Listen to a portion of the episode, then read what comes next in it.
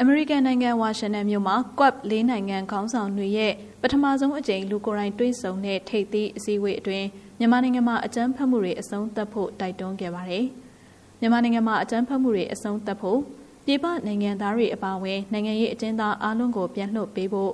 အပြုသဘောဆောင်တဲ့စိစက်ဆွေးနွေးမှုတွေလှုပ်ဆောင်ဖို့နဲ့ဒီမိုကရေစီစနစ်ကိုမြ мян ဆန်းဆန်းပြန်လည်ဖော်ဆောင်ဖို့ဆက်လက်တိုက်တွန်းနေလို့အမေရိကန်သမ္မတဂျိုးဘိုင်ဒန်ဂျပန်ဝန်ကြီးချုပ် ယိုဟိရှိတဲ့ဆူကအိန္ဒိယဝန်ကြီးချုပ်နရန်ဒရာမိုဒီနဲ့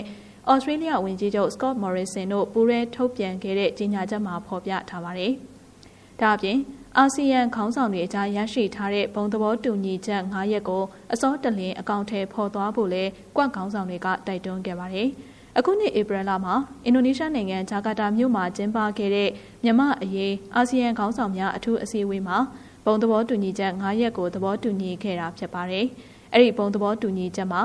မြန်မာနိုင်ငံမှာအကြမ်းဖက်မှုတွေချက်ချင်းရပ်တန့်ရေး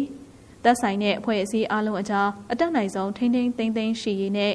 သက်ဆိုင်သူတွေအကြားအပြုသဘောဆောင်တဲ့စိစက်ဆွေးနွေးမှုတွေစတင်ကမြန်မာပြည်သူတွေရဲ့အကျိုးကိုရှေးရှုပြီးငြိမ်းချမ်းစွာအပြေရှားရေးစတဲ့အချက်တွေပါဝင်ပါတယ်။